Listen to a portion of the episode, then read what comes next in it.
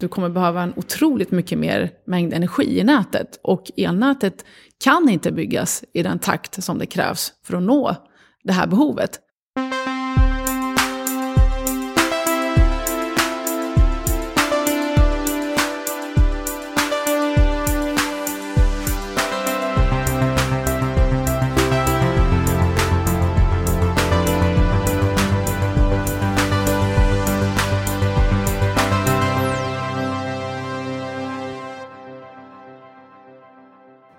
Då är det hjärtligt välkommen tillbaka till Heja Framtiden med mig Christian von Essen. Sitter i min kitchen studio, Roslagsgatan 23 i Stockholm eh, tillsammans med eh, Mahab Boseid. Välkommen till podden. Tack så mycket. Tack för att jag får vara här. Jätteroligt. Eh, affärsutvecklingschef på ett företag som heter Polarium. Mm. Som är lite doldis skulle jag säga. Inom energisystemet. Det stämmer faktiskt. Eh, vi är lite doldisar och det är någonting vi ska börja ändra på nu. Eh, men vi har varit så himla fokuserade på att leverera batterier sedan vi startade 2015. Så vi har inte lagt så mycket tid på att marknadsföra oss. Vi har varit väldigt, eh, väldigt busy med att exekvera och rulla mm. ut. Och, och, ni representerar ju, som du var inne på nu, en uh, viktig uh, inte sista pusselbit, men en viktig pusselbit framåt i alla fall. Eh, mm. För ett hållbart energisystem. Och det är ju alltså energilagring. Berätta lite om den lösning som eh, Polarium har tagit fram. Mm.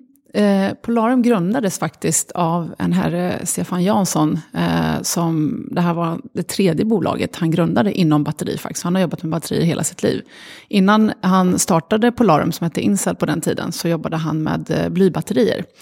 Och gick över to, då till Polaren för att, grunda, för att jobba mer med litiumjonbaserad batteri som är en bättre kemi. Mycket mer energität, mer hållbar, det finns många fördelar med den. Så Polarm har alltid varit inriktat på att bygga batterier. Och det vi gör nu när vi säger att det är snarare energilager, det är att inkludera fler komponenter i det som gör att du kan använda batteriet som ett energilager. Eh, som inkluderar kraftomvandling och eh, andra komponenter för att kunna ta in eh, AC, ta ut DC och vad det nu eh, behövs liksom, för den eh, sajt man använder energilagret på. Men eh, vi har sedan vi grundades 2015 egentligen jobbat med eh, energilager och vi bygger dem själva in-house. Så vi, eh, vi köper in cellerna och så bygger vi hela modulen med mekanik och elektronik och hela batteriet. Och hur ser en vanlig kund ut då?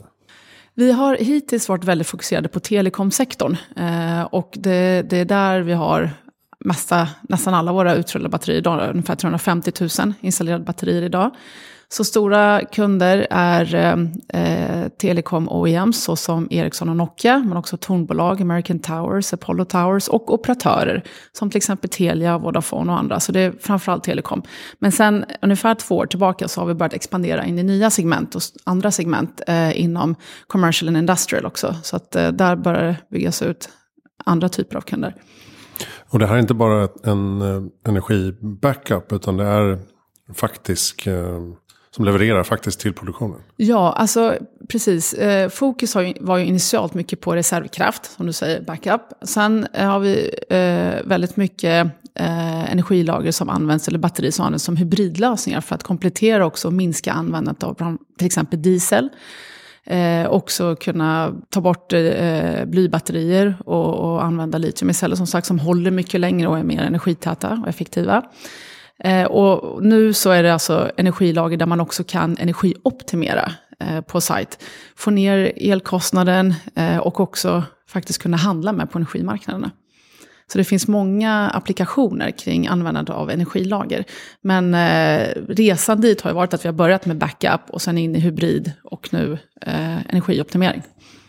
Just det, och det här är ett sätt då mm, att komma runt väderberoendet från de förnybara källorna.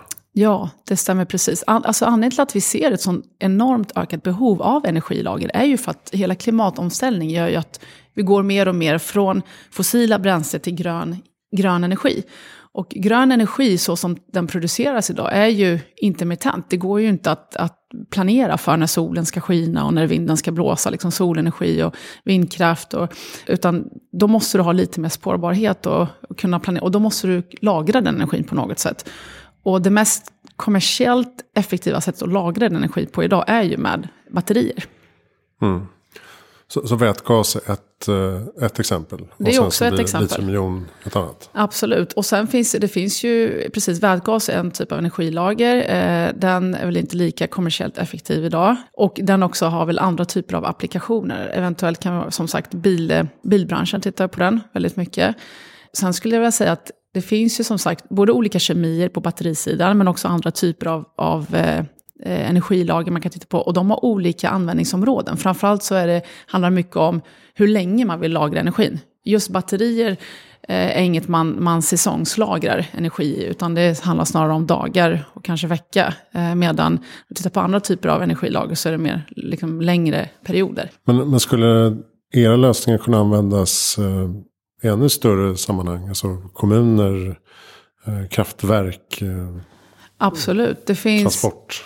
Ja, eh, precis. Det vi tittar på framförallt nu, ser ett stort behov eh, kring, det är ju fastigheter, bland annat kommersiella fastigheter, industrier som ser, eh, igen, de vill, de vill bli lite mer oberoende av eh, elnätet av flera anledningar. De vill ha mer backup, de vill eh, kunna maximera sin egen användning av sol till exempel. De har byggt ut solpaneler och vill använda det mer.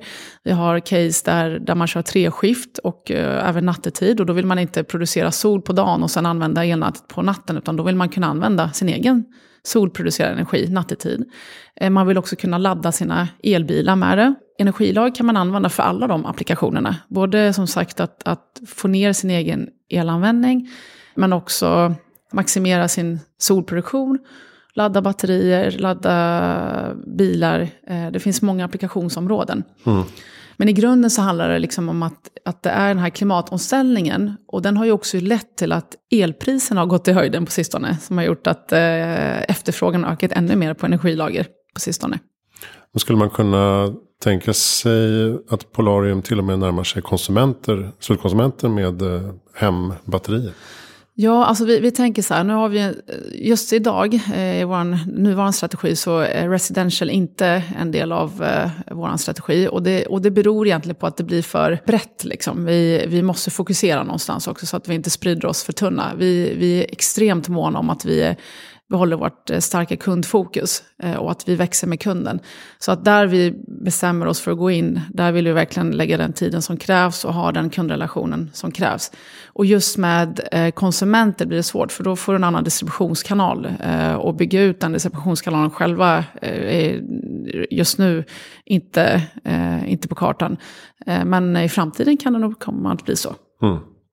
Men hur säkerställer man att komponenter, att det liksom eh, framställs på ett hållbart sätt. Då. Det blir ju en del av vårt erbjudande också, eh, att det är 100% grönt. Alla komponenter i våra batterier, vi sätter samma krav på våra leverantörer som vi ställer på oss själva. Och sen så säkrar vi också att eh, våra batterier kan återvinnas på ett hållbart sätt. Och, vi, och det ingår i alla våra kontrakt med våra kunder att vi tar, kommer ta tillbaka de batterierna. Eller det finns möjlighet eh, för kunden om de vill att vi tar tillbaka batterierna och också återvinner dem på ett hållbart sätt. Så vi tittar på verkligen allt från produktion till eh, återvinning och eh, second life-applikationer. Mm. För det ska man också komma ihåg med batterier, att även om eh, de håller extremt länge, litiumjonbatterier håller 20 år beroende på hur de används. Och även när de har dött så att säga, så finns det kanske fortfarande 60% kvar av kapaciteten. Och, och då kan man använda dem till vissa applikationer som inte kräver högre kapacitet. Ja, just det. Det märker man ju med eh, fordonstillverkare till exempel som tar uttjänta batterier och gör Precis. Sätter samman till någon sorts kluster i fabriken. Och så. Precis, och det finns ju exempel på där man har tagit bilbatteriet till exempel och, och byggt upp eh, ett energilager som kan ladda batteri, eh, mm. bilarna istället med. Så du kan ju inte ha dem i bilen för att det, det, blir för ineffektivt att ha batteri som bara laddas upp till 60%. Utan du vill ju kunna ha en, maximera den effekten. Men, men du kan däremot använda den på det sättet, eh, absolut. Det här med eh, virtual power plants då, som ni pratar om. Hur kan man eh, definiera det? Ja, precis. Definitionen av virtual power plant och konceptet i sig har funnits i många år. Eh, ja, ska jag säga ungefär tio år. Men den har aldrig riktigt tagit fart. Och det är väl, nu är väl rätt tid för det. Det pratas väldigt mycket om virtual power plants idag. Eh, och det, det betyder, det handlar egentligen om att man aggregerar alla assets eller tillgångar eh, som har att göra med antingen energiproduktion, sol, vindkraft till exempel, all konsumtion, allt det som drar energi, vare sig det, om man bara ska ta ett exempel, om, trots att vi inte jobbar med residential, men låt säga att det är mikrovågsugnen hemma och kylskåpet och allt som liksom drar energi. Och sen också energilager. Och så eh, sammankopplar du dem på ett virtuellt sätt, precis som du till exempel har ett Teams-möte virtuellt liksom med folk som sitter på olika delar av världen, så sammankopplas alla via en cloud-lösning. Och i den cloudlösningen så säkerställer du att energin flödar på rätt sätt i de här in och ut, liksom i produktion och konsumtion, och att du balanserar det på rätt sätt, men också kan pusha tillbaka el in i nätet. Och på så sätt kan du handla med den eh, elen. Och det är det egentligen som är definitionen av virtual power plants. Att du aggregerar dem och också kopplar in dem tillbaka mot elnätet. Och då får du ett optimalt, du kan få då, beroende på hur du använder den här cloud-lösningen och hjärnan i systemet, så kan du optimera användandet i hela systemet då av elen. Mm, just det. Vi nämnde här innan vi började eh, avsnittet med Harald Överholm mm. på Alight. Eh, som har någon slags Solar as a Service-tjänst till företag. Eh, han menar ju att energin finns egentligen där.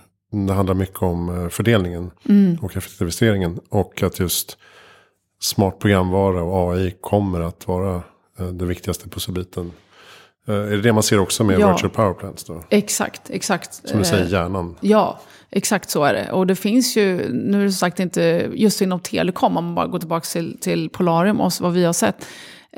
Det, det är så naturligt, om du tittar på, ta till exempel Telia. Som Telia har 10 000 telekomtorn eller sajter i, bara i Sverige. Tänk om alla de sammankopplas in i ett virtual power plant där du har ett energilager på plats, du har radiobasstationer som drar energi, du kanske också har lite sol, i alla fall i södra Sverige där det finns mer sol, eh, som också eh, producerar energi. Och så sammankopplar du allt det här in till elnätet och säkerställer att den, det feedas tillbaka överskott till nätet eh, när det finns. Eh, men också på frek frekvensbalanseringsmarknaden, att, att energilagret verkar där. Det gör ju att du också kan stabilisera elnätet om man går in lite, lite tekniskt här, men i Sverige så är det så, eller egentligen Norden då, eh, så måste elnätet ligga på 50 Hz i frekvens.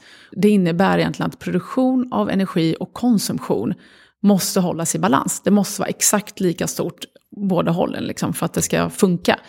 Eh, och så fort det blir för mycket produktion eller för mycket konsumtion så faller eller minskar eh, den här frekvensen. Och det gör att vi då till exempel får blackouts, eh, att elnät går ner när det är, när det är för, för lite produktion, när, när, det behövs mer el än vad det, än vad det finns. Då, då faller det ner och då blir det en blackout. Och det gör att när det finns batterier till exempel som kan kopplas upp mot, mot frekvensbalanserad mark och kunna, där de kan stängas av eller, eller sättas på när det behövs, så kan vi stabilisera elnät på ett helt annat sätt. Och ju mer sådana assets du har inne i nätet, desto mer kan du, kan du balansera den på ett effektivt sätt. Mm, just som du säger där med frekvensmarknaden, det är lite mm. speciellt där, men att man kan köpa och sälja balans helt enkelt, eh, effekt. Ja. Att man eh, kan få betalt för att stänga av ventilationen i sitt Precis. köpcentrum. Precis, och den marknaden är väldigt lukrativ idag. Mm. Eh, och det beror egentligen av den anledningen att, att det blir mer och mer grön el i mixen och att det är svårt att balansera den här frekvensen i, marknad, i elnätet idag. Det krävs som sagt mer assets uppkopplade. Eh, och då för att attrahera företag och liksom industrier att, att uh, göra det så, så finns det pengar att tjäna på det helt enkelt. Och Sverige har, um, svenska marknaden är extremt lukrativ idag. Du kan tjäna 1000 kronor per megawattimme och år på att ha ett batteri delaktigt på energimarknaden. Mm. Lite om dig då, var, var kommer eh, Boseid ifrån? Ja, ja, om man säger namnet. Eh, namnet Boseid är eh, från Libanon. Eh, jag eh, jag föddes i Libanon eh, och eh, flyttade till Sverige 1989. Eh, vi var faktiskt flyktingar hit. Och tillsammans med min mamma, pappa och bror på den tiden. Uppvuxna i Sverige, jag var fem år när vi kom till Sverige, växte upp här, läste här och sen så har jag jobbat mycket internationellt egentligen. Mm. Du har lång bakgrund inom Ericsson. bland. Ja, efter studierna då, jag läste industriell ekonomi, eh, så började jag jobba på Arlanda flygplats. Jag var väldigt naiv och tänkte att om jag jobbar på flygplats så kan jag flyga runt i världen. Men så blev det inte. Utan jag Det är inte riktigt så det funkar. Ja, det var inte så det funkar. Däremot fick jag se alla andra flyg och det blev Ja, nästan det. frustrerande efter ett tag. Så att, eh, efter två år så lämnade jag Arlanda och eh, började jobba på Ericsson. Och där kunde jag jobba väldigt mycket internationellt. Eh, olika kommersiella roller, sälj och inköp. Så senast eh, var jag i Dubai eh, som inköpschef för Mellanöstern och Afrika, regionen. Och flyttade egentligen till Sverige för att eh, jobba med Polarium. Och det var i april förra året. Så att jag har varit här snart ett år. Ja, just det. Du är fortfarande inte riktigt van vid kylan. Så. Nej. Mörkret och kylan. Ja, det var en liten chock. Även om jag var här för tio år sedan så är det fortfarande svårt att föreställa sig att, eh, att det ska vara så här kallt och, och mörkt på vintrarna. Men nu börjar det vända så att det blir väl snart ljusare. Du pratade om att det ändå finns fortfarande någon slags eh, varumärke i det svenska och med hållbarhet och så vidare. Eh, Märker du av det när du har internationella kontakter? idag? Jättemycket. Alltså, det var därför jag faktiskt eh, bestämde mig tillsammans med familj att flytta tillbaka till Sverige. För att eh, jag, jag märkte hur tydligt det var i, under mina sex år i Mellanöstern senast. Eh, att Sverige verkligen var i framkant när det gäller både innovation och hållbarhet. Eh, Företag jag pratade med där liksom, och, och nämnde att det är ett svenskt bolag och att jag menar, de, de, eh, de ser ju upp till Sverige och tycker att vi inte bara snackar utan vi gör faktiskt. Eh, och det där blir jätteviktigt. Eh, Polarium är ju idag ett internationellt bolag, vi finns i 65 länder. Och vi har, de flesta av våra kunder är ju inte svenskar. De är amerikanska, vi jobbar mycket i Afrika, APAC-regionen, mycket ute i Europa. Och där, eh, där har man, man ser verkligen upp till Sverige för, för hur duktiga vi har varit i den här klimatomställningsfrågan hittills. Absolut. Mm. Och de länder som har jobbat med nu då, Mellanöstern, Nordafrika, ganska oljestinna länder. V- Vad sker där på, på den omställningen? Ja, det är en bra fråga. Det är ju som du säger, alltså det är olika, väldigt st- stora skillnader i mognad skulle jag säga när det gäller eh, förståelse, vilja, ambitioner kring hela klimatomställningen. Absolut, vi, vi har ju både kunder som, som är eh, i bräschen och, och väldigt innovativa och jobbar de här senaste teknikerna. Egentligen i olika delar av världen, men om man tittar på mycket Mellanöstern och Afrika och Latinamerika och sådana. Det, det är svårt när man har, eh, om man bara ser på Gulfregionen då, som, som ju är, eh, har väldigt mycket olja. Eh, du har inte lika stort incitament där kanske för att gå över till grön el när det är så billigt med eh, bensin och olja. Utan då, då handlar det snarare om drivkrafterna från regeringen att, att säkerställa och, och sätta ge både morötter och piska på företagen för att verkligen göra den här omställningen. Så att eh, det, men det där kommer ta lite längre tid i de länderna. Utan då får vi vara lite, tycker jag, förebilder här och, och, och visa vägen och att det går. Och hoppas att vi kan inspirera dem till att göra samma resa fortare än vad de har eh, planer att göra. Eh, men, skulle en framtid där eh, Polarium är större, till exempel på den svenska marknaden. Skulle det göra att man får en mer eh, balanserad eh, energiförbrukning och eh, eh, Eh, balanserade elpriser också så småningom? Ja men absolut, alltså, vi har gjort många business case eh, på olika segment och som sagt applikationer.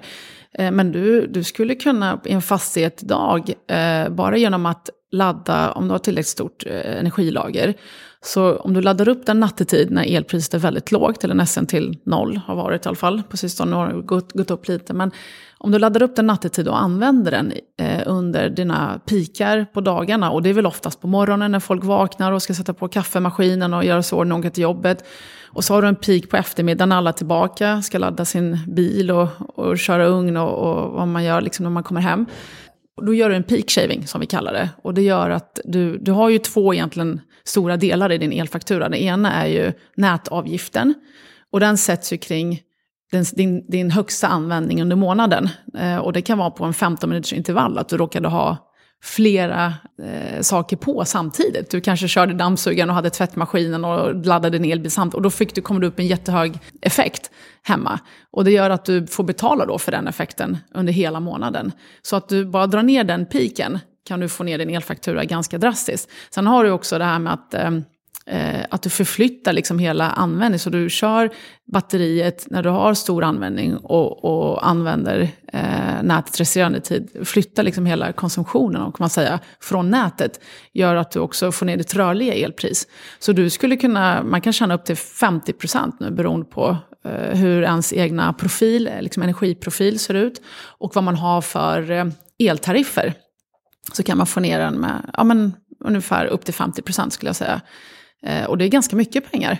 Mm. Speciellt med tanke på hur priserna har gått upp på sistone.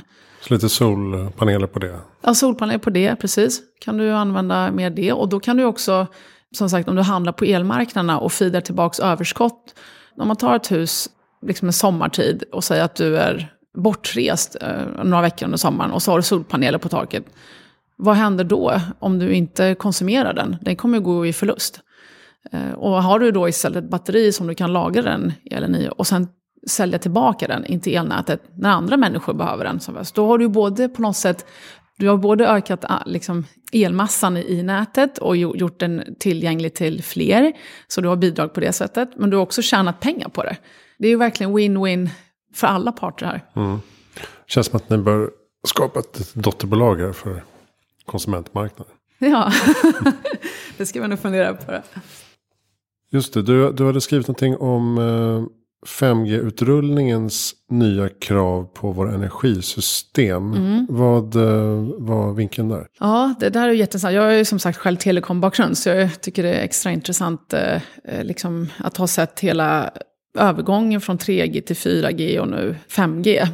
Det som är intressant med 5G det är ju att den, det är ju inte bara att, den kommer, att du kommer kunna streama liksom ner, alltså din video med, med bättre kvalitet eller att du kan prata med ännu bättre liksom, eh, kvalitet på telefon. Eller, alltså, det, utan det den kommer att enabla, det är ju, den har ju mycket bättre latency, som vi kallar det inom telekom. Och det, det betyder att eh, du kan köra mission critical, nu, nu, använder jag mycket engelska här, men mission critical application med 5G som du inte har kunnat göra i tidigare eh, generationer.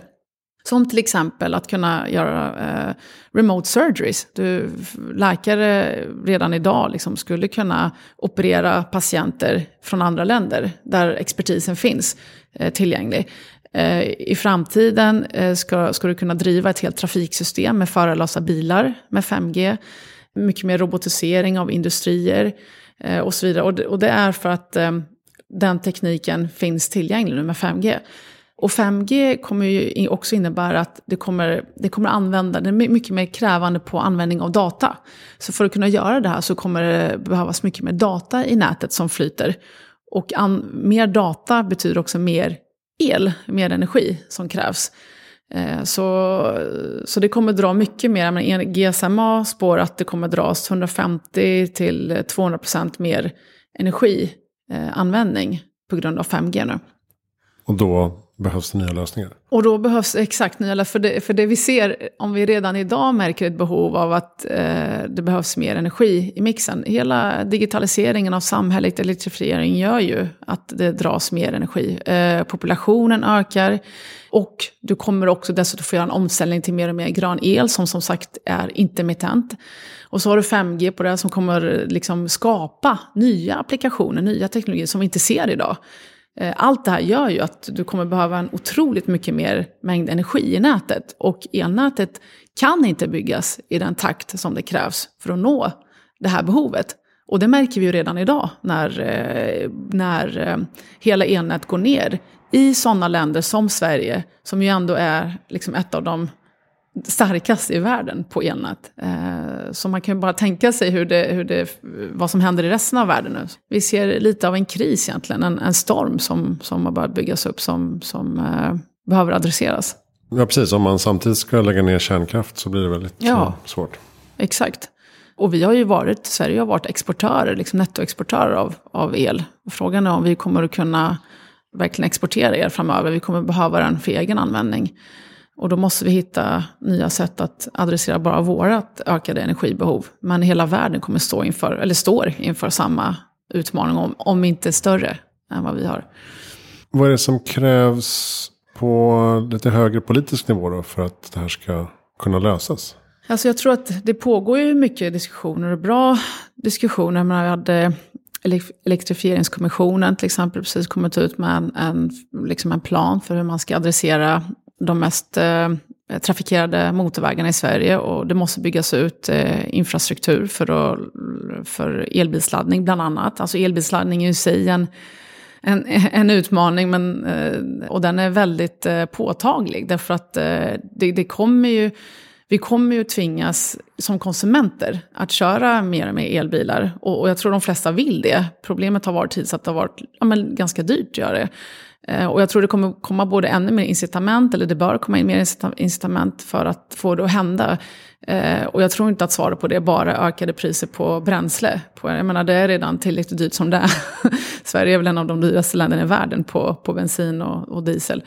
Eh, utan då måste man hitta andra lösningar för att hjälpa folk att kunna ta de kostnaderna och investeringen i elbilar. Men också att bygga ut infrastrukturen i den takt som krävs. Jag kom själv till Sverige som sagt i april och funderade mycket på, jag vill ju ha en elbil. Eh, jag jobbar ju med hållbara frågor så jag, det, det var naturligt för mig. Men jag vågade inte riktigt ta risken att köpa en 100% eh, eldriven bil därför att jag inte visste om det gick att ladda den överallt. Så jag körde på en plug-in hybrid. Men nu vill jag ju eh, byta till en 100% driven elbil. Eh, så det, det, det, måste, det måste byggas ut. Eh, och jag tror att man måste inse också att det finns lösningar, det finns tekniska lösningar idag på det här problemet. Det handlar inte bara om att bygga ut elnätet, även om vi kommer behöva göra det också, men det kommer, det kommer ta för lång tid. Och vi finns här, vi finns här för att bygga ut energilager där det behövs. Jag tror att man, eh, ännu fler liksom forum, eh, reach out. Alltså vi, vi försöker jobba så, så hårt vi kan med, att liksom, med våra kunder. Och där vi ser eh, behov där vi kan tillgodose, som vi kan tillgodose med våra lösningar. Hur ser eh, affärsmodellen ut då? Hur funkar det om en fabrik eh, hör av sig till er? Vad är det de får så att säga? Ja, alltså vi, vi har ju en end-to-end-lösning. Vi, har, eh, vi tillhandahåller både energilagret men också den här mjukvaran på toppen som vi kallar Energy Management System. Som är det som är själva hjärnan då i energi. För att kunna bygga ett virtual power plant, det kan vi göra med vår lösning idag.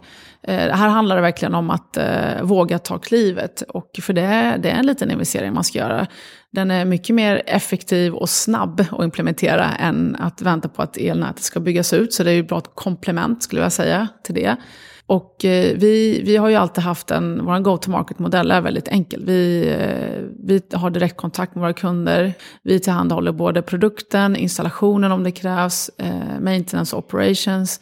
Vi har också två kommersiella modeller. Man kan köpa det direkt som en capex-modell eller så kan man leasa, leasa den som en opex. Så, så det finns också. Så vi är väldigt flexibla för att möta det specifika kundbehovet. Om det finns direkt stor volym i det. Ja, just det. Vad brukar det vara för volym som ni letar efter? Ja, alltså just telekom, de kunder jag nämnde, så pratar vi om tusentals installationer. Eh, och det är väl dit vi måste komma upp om vi ska bygga en virtual powerplant som är liksom gedigen för att för att kunna, som sagt, eh, fida tillbaka in till elnät. Prata här, nu skiljer sig väldigt, skiljer sig väldigt mycket marknad till marknad vad kraven är för att kunna handla på elmarknaden. Eh, I Sverige gäller det att komma upp i 1000 kilowattimmar för att kunna verka på marknaden. Och då kan man antingen göra det i, som en enskild sajt eller aggregerat om man har flera sajter. Men det, det, är väl det vi tittar på. Sen när det gäller fabriker så har vi ja, men, allt från våra moduler byggs från 10 kilowattimmars batterier upp till megawattimmar. Så att eh, det, det, finns en skala, men vi jobbar mycket på midscale. Det handlar verkligen om Eh, Eh, som sagt inte residential, men vi kör inte utility scale heller. Eh, där man liksom går in i 20 megawattimmar och, och bara liksom, och gör peak shaving på, på hela städer. Det är liksom inte där vi fokar på, utan det är eh, commercial and industrial i, den, i midscale nivå. Vad är ditt bästa tips för att göra världen bättre i framtiden? Ja, nu får jag nästan byta ämne helt och hållet till jag på att säga. Alltså, det finns ju mycket, om man ska prata ren teknik så, så tror jag det finns mycket lösningar. Jag är inte så orolig för det om jag ska vara ärlig. Jag tror att det finns eh, mycket redan på plats som bara handlar om att, att man rullar ut det eh, på ett effektivt sätt. Jag tror liksom, det jag tror man behöver mycket mer av det, det är nog att eh, på ett eh, bra sätt faktiskt lära ut empati redan i skolorna. Att man börjar där. Och, och också systematiskt titta på hur vi kan göra det från företagens håll och från eh, government. För att jag tror att, jag såg ett jättebra exempel på LinkedIn för, jag tror det var igår. Då var det en, eh, ett café som hade satt en, en skylt utanför sin dörr och så här, hur, hur känner du idag? Hur skulle du vilja köpa ditt kaffe? Om du går in och, och bara köper ett kaffe så kostar den 47. Eh, säger du hej, god morgon så, och jag vill ha en kaffe tack, så får du den för 37. Och, och, säger du liksom, eh, ja, jag kommer inte ihåg exakt vad det stod, men, men eh, hur mår du idag och jag skulle vilja ha ta kaffe, tack, liksom, får du den för 27 kronor. Mm. Eh, och jag tyckte bara det var så himla talande, liksom, om att ja, men, världen behöver, vi behöver mer empati, vi behöver, folk behöver känna liksom, att andra bryr sig. Jag tror att det, det ja, men, kärlek, liksom, det skulle göra världen till en bättre plats tror jag. Och att man jobbar liksom systematiskt med det. Och att det är okej okay att prata om det. Så att det inte bara blir fluff-fluff. Och... Ja, men den här skylten florerar flitigt ja, nu. Just. Eh, någon som satt att det finns flera sådana exempel även internationellt. Jag tror också, jag undrar om det inte är på grund av pandemin också, att det har eh, blommat upp lite. Att mm, man inser kanske. att vi behöver varandra. Vi, eh, och att vi ställer upp för varandra och att vi, we're in it together. Liksom hela den här, både pandemin har gjort att vi känner oss som en mot någonting annat. Och också klimatomställning tror jag har eh, sammanfört oss på ett nytt sätt. Eh, men jag tycker också så här, när jag gick i skolan, alltså det är ju det är mycket fokus på IQ i skolorna. Det handlar om liksom lära barn problemlösning och det är matematik och det. Men hur ofta pratar man om EQ, som emotionell intelligens, social intelligens? Mm. De blir ju allt viktigare. Ja, precis. Så jag tycker det är lite fint också att man, man kommer på att just det, även kaffepersonalen bryr sig. Mm. Alltså de påverkas av ja. mitt eh, uppträdande, mitt beteende. Ja. Det är inte bara de som ska vara service-minded, utan jag ska också vara lite trevlig Exakt. tillbaks. Exakt. Jag tycker det är fint och jag tycker det alla har vi ett ansvar och även om företag, man pratar mycket B2C och B2B, liksom, men egentligen det är ju människor som jobbar med varandra. Mm. Så oavsett vad min titel är eller vad min roll är eller vilket bolag jag så är jag ändå en människa i grunden. Och vi har alla samma behov av eh, liksom, trygghet och kärlek och eh, känna samhörighet. Och jag tror att det är det, eh, om, om, om, man kan få ner det och verkligen jobba med det systematiskt så tror jag att det kan, ja, det kommer att göra världen till en bättre plats. Mm. Har du några bra lästips eller poddtips? Mm. Eh, jag måste erkänna att jag, det finns inte så mycket tid för läsning på sistone. Mesta tiden går åt till att försöka få den här energimarknaden som utvecklas i enormt snabb takt skulle jag vilja säga. Men eh, under julledigheten så, så läser jag faktiskt en bok av Werner Harnisch som heter Scaling Up. Eh, och det handlar eh, som sagt om företag som, och scale-ups. Och Polarium är ju en fas av scale-up. Eh, det finns mycket böcker kring startups, och corporates, men inte så mycket scale-ups. Och den, den tyckte jag var väldigt bra faktiskt, för den, den var väldigt konkret. Så om någon sitter på en scale-up-företag så skulle jag verkligen rekommendera den. Just det, för var det så att ni har 600 anställda? Ja, det stämmer. Och det växer med ungefär 150 per år nu. Eh, och kommer att göra det framöver också. Så att vi växer otroligt fort. Och människor är ju liksom, det är ju grunden i att man ska lyckas. Så det, och det är också där boken fokuserar mycket på människor, strategin, genomförandet och att man har kapitalet på plats. Men, och mm. hur de samverkar. Vad är det för typ av människor ni eh, letar efter? Eh, men framförallt om man säger rent eh, ur ett kulturellt perspektiv så är vi, vi, vi är väldigt starka, vi har en väldigt stark värderingsgrund på Polarium. Och då är det viktigt att, att man eh, Eh, Eh, att man delar samma värderingar eh, som vi. Vi har tre starka värderingar. Eh, den ena handlar om att we are one, att vi verkligen jobbar tätt ihop.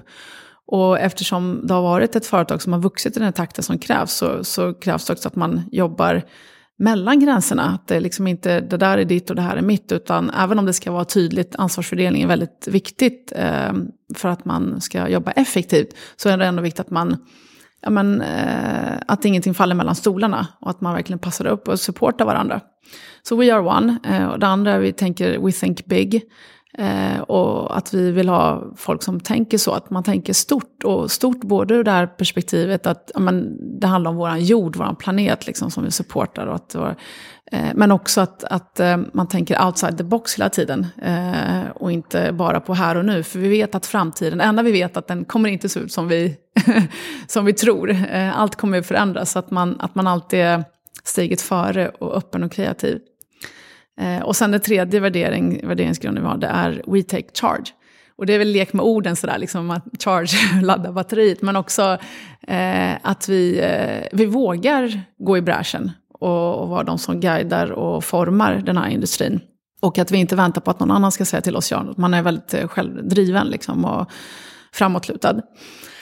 Eh, så det är väl värderingarna, liksom, att man delar dem. Men eh, nu är det mycket kompetenser också kring ja, just energilager, energimarknaden, mycket kring kundleveranser, projektledning, men också marknadsföring, ja, men alla, alla supportfunktioner som ett, alla företag kräver. Så vi, vi växer verkligen överallt nu. Mm. Spännande. Mm. Uh, vem tycker att jag ska intervjua? Ja, om jag ska tänka väldigt stort här nu, på tal om Think Big. Så jag eh, har ju läst en bok av bland annat eh, Michio Kaku. Och jag tycker han är eh, extremt inspirerande. Han är en amerikansk eh, fysiker och eh, futurist. Eh, och har bland annat skrivit den här boken eh, Physics of the Future. Som handlar om ehm, hur eh, vetenskap kommer att shapea liksom, mänskliga, det mänskliga ödet och hur vi kommer att leva i år 2100. Med, med rymdhissar och, och flygande bilar på magnetfält. Och saker som ändå initialt kan kännas, men det där, så, kan, så kan det väl inte vara. Men om man tittar på det rent konkret så, så är det faktiskt tekniker som finns idag. Och, och så hur det samverkar och hur det påverkar världsekonomin. Så att med tanke på menar, att den här podden är inriktad på framtiden, innovation och ny teknik. Så, så ja, om jag skulle tänka stort så skulle jag säga intervjua Michio Kaku. Ja. ja, det skulle vara kul. Jag har bara läst uh, den som heter Mänsklighetens framtid. Mm. Mot Mars, stjärnorna och evigt liv. Just det. Från 2019. 19 på svenska i alla fall. Ja. Och vilken var det du sa? Physics? Physics of the future. Han har skrivit många böcker, men det jag tycker är bra är att det, allting grundar sig i vetenskap. Eh, så det, det, är ingenting som är spådom, utan snarare faktiskt eh, vetenskapligt eh, grundat. Liksom, som sagt. Så att, eh, Hörs ja. The inventions that will transform our lives. Ja, precis. Jag tycker det är inspirerande. Och han har ju poddar också. Men med Michio Kaku. Sen skulle jag säga lite mer liksom eh, svenskt baserat. då, Alison Kirkby, hon är vd för Telia. Väldigt inspirerande person och, tycker jag och bakgrund. Eh, och hon, eh, där skulle det vara intressant att titta på som sagt telekom och 5G. Vad innebär det för oss framöver? Vad tror operatörerna? Hur kommer 5G att, att öppna upp för helt nya möjligheter och applikationer eh, som, som vi aldrig har jobbat med? Och hur kommer det påverka hela vårt liv eh, i framtiden? Och också 6G, för den, nu när 5G lanseras så har man ju redan börjat göra research på 6G. Vad innebär det? Hur kommer det se ut? Mm. Vad kan den handla om? Eh, och sen är Alison också, hon tänker mycket på det här med eh, telekom och energimarknad, att det kommer förmodligen konvergera i framtiden. Man bygger ut fiber, man behöver också bygga ut större energi, elkablar. Kommer det vara en och samma i framtiden? Så det är lite intressanta teorier där. Men eh, henne tycker jag du ska intervjua. Mm. Inspirerande kvinna. Mm. Bra. Eh, tack snälla Mahabo Said för att du kom till Här Framtiden. Tack så jättemycket. Det var ett supertrevligt samtal. Yes. Och eh, polarium.com. Där ja. kan man hitta allt om era lösningar och eh, vad det är för typ av tjänster som finns också. ja, det stämmer. Och den, kom, sig till er. Precis, den kommer att uppdateras snart. Vi ser över hela våra, men eh, absolut. Ehm, och ni får gärna kontakta mig direkt också om det är någonting. Grymt. Um, Härframtiden.se hittar all information om uh, tidigare intervjuer och uh, mina projekt med magasin, böcker, föreläsningar och så vidare. Vi hörs nästa vecka med något annat. Jag heter Christian från SN. Tack för att du lyssnade.